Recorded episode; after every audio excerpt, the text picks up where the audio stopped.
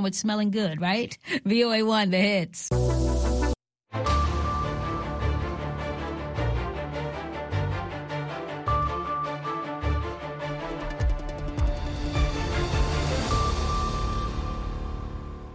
halkani waa washington laanta af soomaaliga ee v o a oo aad ka dhagaysanaysaan mawjadaha gaagaaban efimiyada geeska africa iyo caalamkao dhan oo aad nagala socotaan boggeena internetka ee v o a somaly com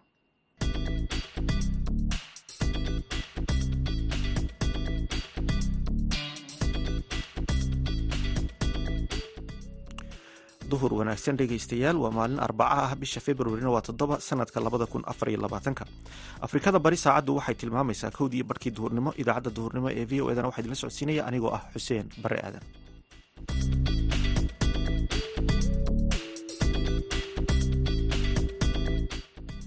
Qodobada ad ku dhegaysan doontaan idaacadda duhurnimo ee v o a waxaa ka mid a taleefanada casriga ah ee qaaliga ah iyo saameynta dhaqaale ee uu ku keeni karo dhallinyarada qofka tusaale haddii uu taleefon iibsado wuxuu u baahan yahay haddii tusaale uu ciladoobo wuxuu u baahan yahay in dib markaasi dayactir loogu sameeyo. Runtii saameyn dhaqaale ayay markaasi ku leedahay. Lacagtaas ama dhaqaale ahaan marka loo fiiriyana qoyska wax badan ayay u qaban kartaa.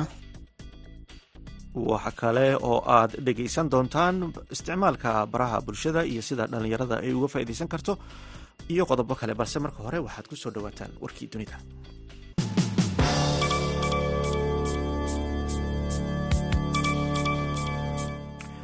Xogeyaha arrimaha dibadda ee maraykanka antony blinken ayaa arbacada maanta ah ku sugan israa'iil halkaasi oo uu hogaamiyaasha dalkaasi kala xaajoonayo in la hakiyo colaadda khaza iyo in la sii daayo lahaystayaasha ay haysato xamaas kulamada uu la yeeshay ra'iisul wasaare benyamin netanyahu wasiirka difaaca yoaf galand iyo madaxweyne isaak herzog ayaa yimid maalin uun kadib markii uu blinken sheegay in hogaamiyaasha xamaas ay ka soo jawaabeen qorshaha soo jeedinta xabad joojinta. Blinken oo wariyaasha kula hadlay magaalada dooxa ee dalka qatar ayaa sheegay in maraykanku si weyn u darsayo jawaabtaasi islamarkaana uu la wadaagay israa'iil madaxweynaha maraykanka joe biden ayaa magaaladani washington ka sheegay in jawaabta xamaas ay tahay mid laga badbaaday masar. Isagoo sidoo kale ku daray masar iyo qatar ayaana gacan ka geystay hindise xabad joojin ah oo hadda ay dhinacyada ka fiirsanayaan. Kaasi oo ay ku jirto dagaalka muddo dhowr toddobaad ah in la hakiyo iyo sii deynta lahaystayaasha ku sugan khaza daliska dhexe ee ciidanka maraykanka ayaa sheegay in kooxda xoutiyiinta ay lix gantaal oo nooca bolistiga ay ka soo rideen deegaanada ay ka maamulaan dalka yemen iyagoo u riday dhinaca koonfurta badda cas iyo gacanka cadmeed. Taliska ciidamada maraykanka ayaa sheegay in ayaa bayaanu soo saaray ku faahfaahiyey in saddex gantaal oo nooca boolistiga ay isku dayeen inay ku garaacaan markabka m v star nasiya oo ah nooca xamuulka qaada lagana leeyahay dalka gariiga balse ku howlgala calanka jasiiradda marshall. Xilli uu marayay gacanka cadmeed markaasi oo markabka dagaalka maraykanka u s s labon uu qabtay mid ka mida gantaalada kaas oo ay u suurto gashay inay ridaan taliska dhexe ciidanka maraykanka waxa uu intaasi ku daray in saddexda gantaale kale ay isku dayeen inay beegsadaan markab lagu magacaabo m v morning tide oo laga leeyahay dalka britain kaasoo ka howlgala koonfurta badda cas iyo gacanka cadmeed intaasna dhegeystayaal waxaa inoogu idil warkii dunida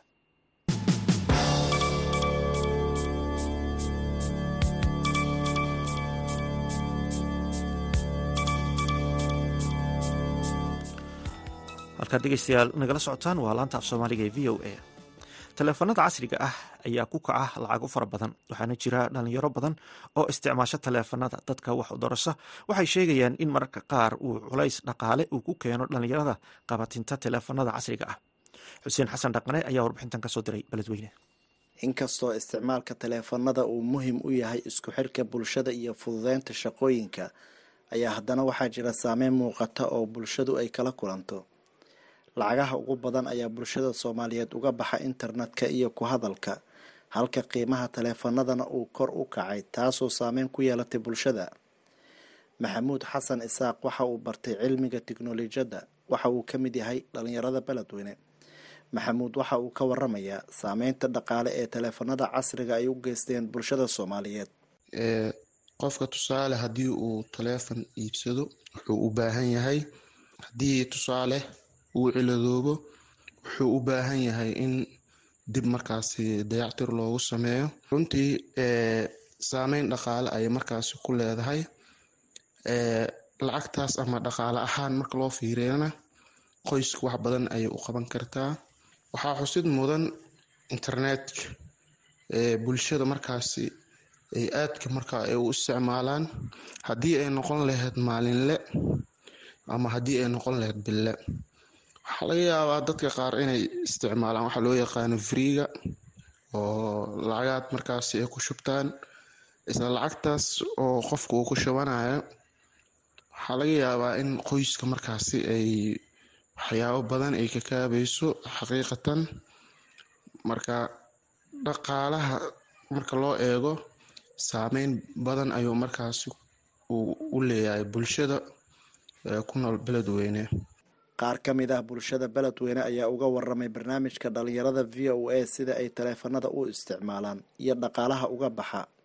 Waxaan ka mid ahay dhalinyarada ku nool magaalada beledweyne xarunta gobolka hiiraan ka bulsho ahaan markaasi dhaqaalaha ama saameynta uu markaasi geystay mobeelka smartphomeka ama shaashada qof walba sida uu garanayo wallaahi lama soo koobi karo waayo dhaqaalaha ugu badan oo kaaga bilodaroowayo waxay tahay qadka oo kale inaad markaas lacaga ku shubato habeen walbo. Adigoona markaas dan kuugu jirin tictok iyo waxaas inaad gasho. Adigoo markaas hadaa lacagtaas meel dhigan laheyd lacag aada u fara badan qofkii inuusan dareemeyninba waayo haddaa maanta wax aruursan laheyd inay ku anfacaan laga yaabaa. Dhibaatooyinka ay inta badan taleefoonka uu leeyahay horta awalan waa inaad internet ku shubtaa haddana ku hadalkii aada lacag ku shubtaa afar iyo labaatanka saacna dhafar uu kuu geystaa oo ruux ahaantii iyo jir ahaantii uu wax u dhimaayo. Waxyaabahaas marka waxaa keenaa taleefoonka smartphoneka ah oo qofka uu isticmaalayo saas la ajligeed marka bulshada dhibaato badan uu geysanaa ama uu ku hayaa. Qiimo korarka ku yimid taleefanada casriga internetka iyo ku hadalka ayaa waxay inta badan saameyn kala kulmaa dadka danta yar kuwaas oo lacagihii ay noloshooda ku maareyn lahaayeen ku bixiya iibka taleefanada internetka iyo ku hadalka ka baxsan danaha muhiimka ah. Xuseen xasan dhaqane v o a beledweyne. Halkaad ul dhegeystayaal nagala socotaan waa laanta af soomaaliga v o a. Markaana aynu ku wada nasanno mid ka mid a heesahan idinku talagalnay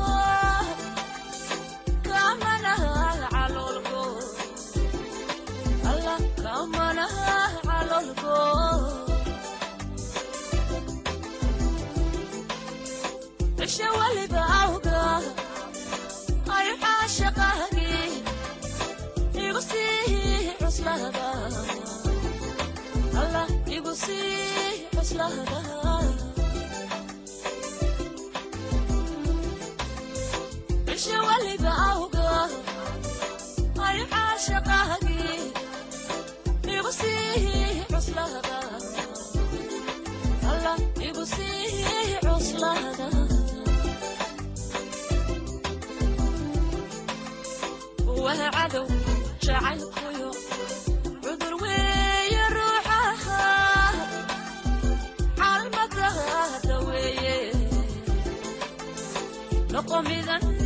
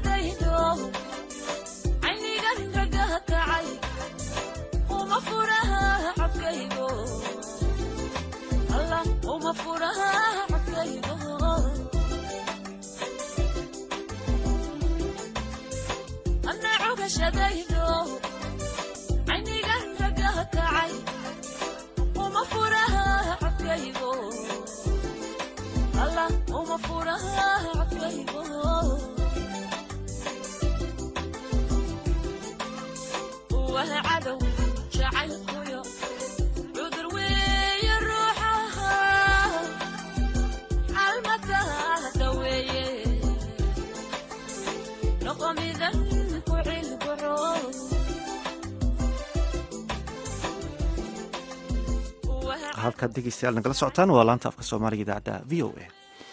Dhalinyaro fara badan ayaa isticmaala aaladaha baraha bulshada kuwaasi oo siyaabo kala duwan uga faa'iideysta sagaal arooryaad oo ka mid ah dhalinyarada reer jabuuti ayaa leh beij ay dhalinyarada uga faa'iideyso mowduucyo ay markaasi daneynayaan waxay u warantay wariyaha v o ed ee jabuuti sagaal saciid faarax.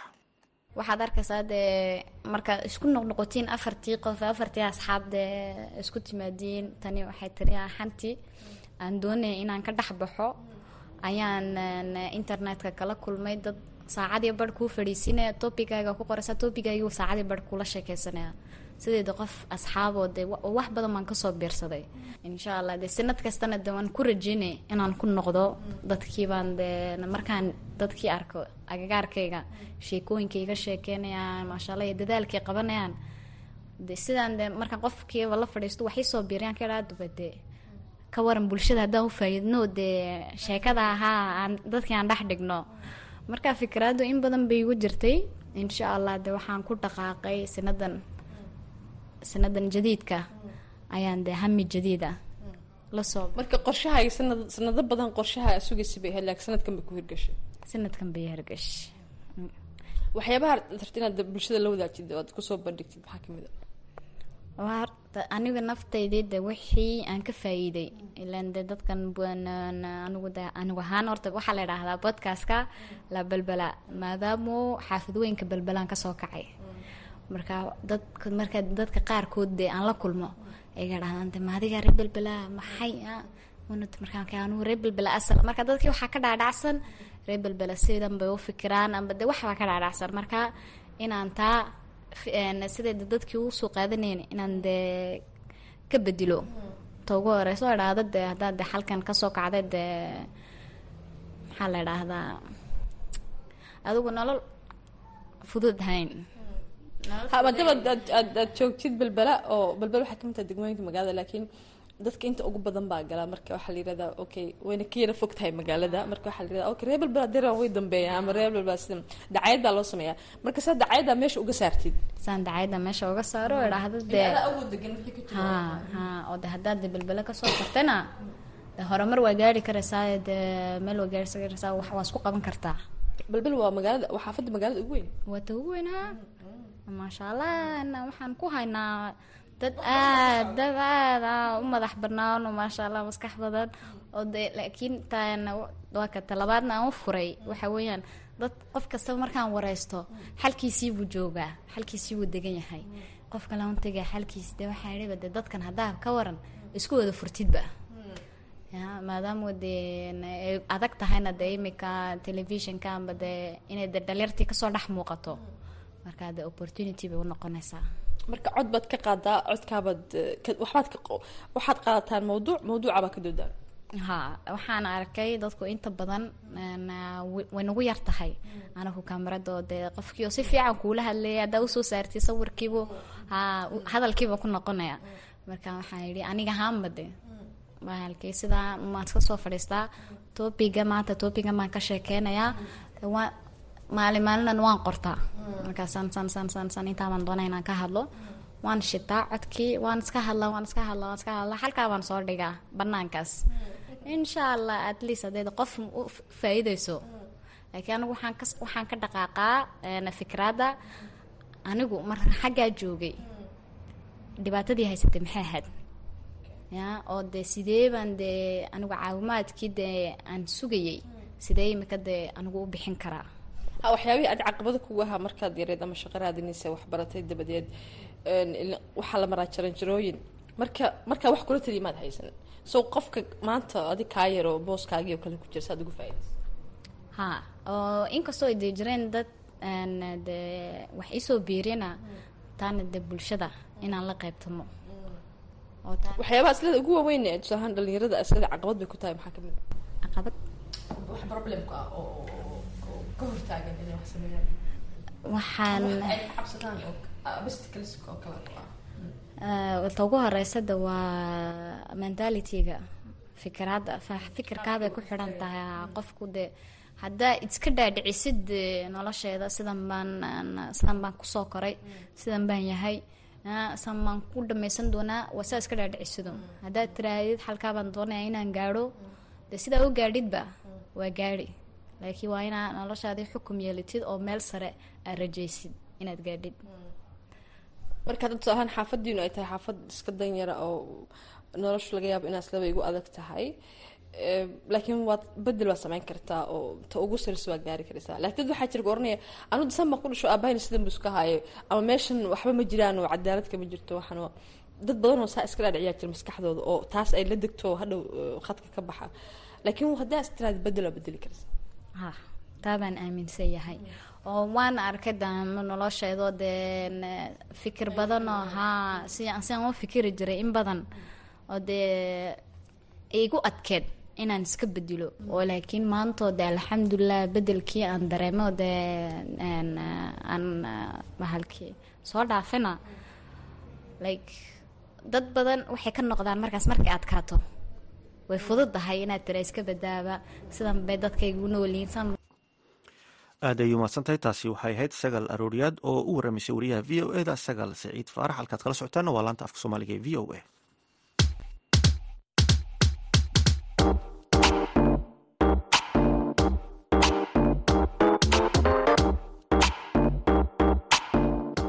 idaacadda v o a waxaad si toos uga dhagaysan kartaa efemyada magaalooyinka geeska afrika. Haddii aad joogto magaalada muqdisho waxaad v o a ka dhagaysan kartaa v o e da f m teda sagaal iyo sagaashan dhibic sagaal iyo raadiyo muqdisho f m teda sagaashan dhibic eber eber. Redio kulmiye f m-ta sideed sideed redio resala hal eber labo dhibic labo hargeysa sideed sideed dhibic eber v o a. Haddii aad kismaayo joogto v o e da waxaad ka dhagaysan kartaa raadiyo sooyaal f m sideed sideed dhibic eber. Gobolka hiiraan hiiraan weyn f m sagaashan megaherts redio baydhaba siddeetan iyo sagaal dhibic shan f m haddii aad joogto puntland v o a waxaad ka dhagaysan kartaa s b c radio boosaaso siddeetan iyo sagaal dhibic sagaal f m qardho siddeetan iyo sagaal dhibic sagaal f m isla mawjadahaasi waxaad ka dhagaysan kartaa waaciya iyo garowe. Wajeer waxaad naga dhagaysan kartaa star f m sagaashan iyo toddoba dhibic saddex. Mandheera waxaad naga dhagaysan kartaan star f m sagaashan iyo toddoba dhibic shan.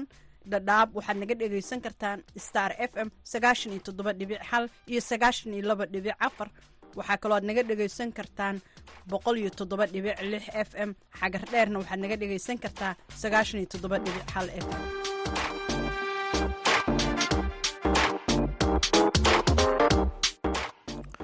Halkaad dhegeystayaal nagala socotaan waa laanta afka soomaaliga ee v o a munaasabad kor loogu qaadayay wacyiga dadweynaha ee dhibaatada gudniinka fircooniga iyo ciribtirkiisa ayaa lagu qabtay magaalada kismaayo. Gudniinka fircooniga ah ayaa weli dhibaato weyn ku haya gabdhaha da-da yar. Dadkii isugu yimid munaasabadan ayaa isla gartay in si wada jir ah looga hortago halista gudniinka fircooniga ah. Wariyaha v o eda kismaayo aadan maxamed salaad ayaa warbixintan inoo haya munaasabadan oo ahayd mid loogu dabaaldegayey sidii loogu hortegi lahaa gudniinka fircooniga ahi ayaa waxaa ka soo qaybgalay mas'uuliyiin ka tirsan maamulka jubbaland oo ay ugu horeeyaan xildhibaanada iyo mas'uuliyiinta wasaaradda haweenka iyo xuquuqul insaanka jubbaland qeybaha kala duwan ee bulshada iyo ururada haweenka gobolka. Munaasabadda ayaa intii ay socotay waxay dhammaanba dadkii kala duwanaa ee goobta ka hadlay waxay isla qireen in dhibaato xoogan ay haweenka ku hayso gudniinka fircooniga ahi gaar ahaana gabdhaha da-da yar oo ay muddooyinkii dambe soo ifbaxayeen gabdhahaad u tiro badan oo dhibaato kala kulmay gudniinka fircooniga ahi. Hodan xasan gasle oo ah guddoomiyaha ururka haweenka ee gobolka jubbada dhexe ayaa sheegtay in muhiim ay tahay in laga wada shaqeeyo sidii loogu hortegi lahaa gudniinka fircooniga ahi islamar ahaantana shaqo abuur loo sameeyo. Kuwa ka shaqeeya gudniinka fircooniga ahi si loo badbaadiyo gabdhaha da-da yar ee lagula kacayo dhibaatooyinka la xiriira gudniinka fircooniga ahi gabar heshay oo f j si xun loogu guday oo markii ay foolatay oo dhiig bax u dhimatay. Boqolaal baa la hayaa. Haweenka shaqada ka dhigtayna sida wasiirada sheegtay nabadgelin baa loo sameynaya shaqa abuur baa loo sameynayaa faadumo aadan katela oo ah guddoomiyaha ururka haweenka ee gobolka jubbada hoose ayaa dhankeeda ugu baaqday haweenka in ay go'aan ka gaaraan gudniinka fircooniga ahi oo dhibaato badan ku haya haweenka. Waxaan leeyahay gabdhaha soomaaliyeed reer jubbaland gaar ahaan degmada kismaayo hadda joogno. Waxaan leeyahay waxaan inaan mamnuucno joojino sidii xaaraanta loo xarimana u xarimo waayo fircooni waa wax diinteena ayna sheegayn oo diinta ay ogoleen waaye abshira khamiis oo ka mida haweenka ku dhaqan magaalada kismaayo ayaa dhankeeda ku baaqday in wax laga qabto dhibaatada gudniinka fircooniga ay ku hayso haweenka gaar ahaana gabdhaha da-da yar waxaad u hadda wacyigelin fara badan oo la helay iyo maxay aheede dabagal badan oo la sameeyey inuu sii yaraanayo. Maxaa yeelay gudniinka fircooniga waa waxyaalaha dhibaato ku ah dumarka soomaaliyeed dhan walbaba caafimaadkii jiritaankii noloshii wixii oo dhan dhammaan ugu dhibaateynayaa caqabad buu ku yahay. Xildhibaan maxamed colujoog oo ka mida mudanayaasha baarlamanka ee jubbaland ayaa dhankiisa sheegay in diinteenna aysan qabin in haweenka dhibaato loogu geysto xilliyada gudniinka diinta islaamkana waad ogtiin waxay ka qabto xadiiskii nebiga yaa umu salama shurbi walaa tanhar. Ursigii ha goyni intaa unba ahaydba oo weliba waa xadiiskaas inta badan culimada way daciifiyaan. Laakiin qof kale hadda xadiis waayo oo dhaho gabadha hala guday hala jarjariya motilashka diinta islaamku ay qabto ma uu jiro gabagabadii waxaa munaasabadda hadal kooban ka soo jeedisay cadar ismaaciil cabdulaahi juuraati wasiirka wasaaradda haweenka iyo xuquuqul insaanka jubbaland waxaana sheegtay in ay u taagan yihiin ka wasaarad ahaan ciribtirka gudniinka fircooniga waxaana ay ka sheekaysay dhibaatada uu leeyahay. Maanta waa maalin weyn waa maalin aan ka hortagayna wax dhaqan xun ah oo soo jirey ah oo muddo kumanaan kumanaan sano na daba socday oo nolosha nala qaybsaday. Ayaanu maanta u taaganahay sidii ceebtirkiisa mar walba anagoo u taagan. Haddana maanta waa maalinkii international day ah oo maalinka ka hortaga gudnoon gudniinka xun ee fircooniga ah. Ayaan maanta u taaganahay wasaaradda haweenka ee jubbaland ayaa waday waayadii u dambeysay dadaallo xoogan oo looga hortegayo dhibaatooyinka ka dhasha gudniinka fircooniga waxaana ay dhowr jeero hore ay soo badbaadiyeen gabdha aada u daayar oo dhibaato ay ka soo gaartay gudniinka kuwaas oo ay naftoodu halis gashay kadib markii ay la kulmeen dhiigbax aada u tiro badan iyadoona haatan uu soconayo ololo ballaaran oo bulshada loogu wacyigelinayo ka hortaga gudniinka fircooniga ahi. Aadan maxamed salaad v o a magaalada kismaayo halkaad weli nagala socotaanna waa laanta afka soomaaliga ee v o a. Markana aynu ku wada nasanno mid ka mid a heesaha aan idinku talagalnay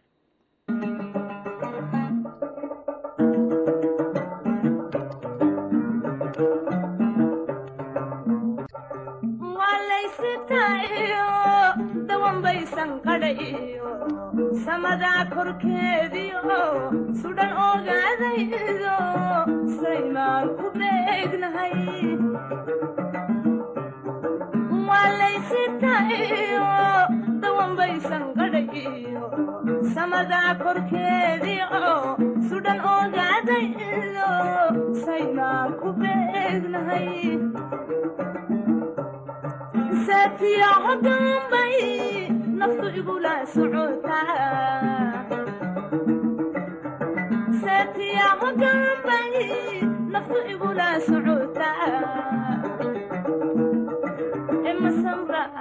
dambay naftu igula socotaa masamra masexda masuga masaja masamra masexda masuga masaja masadcaal gala iyo solkiyo barti sahayli mabeegaasan ulcaaba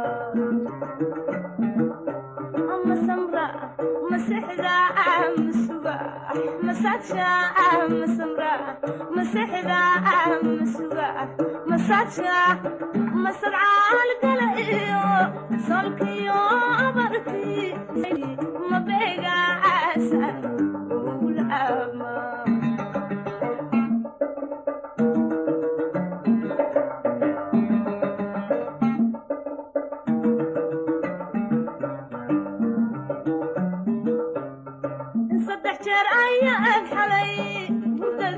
kansalelo dhinacaanu seexidcaa qaban waa sariirtaan saaraa korkeede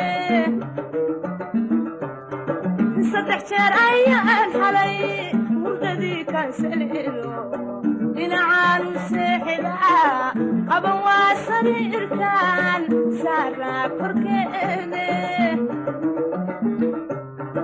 saakaan dusheedii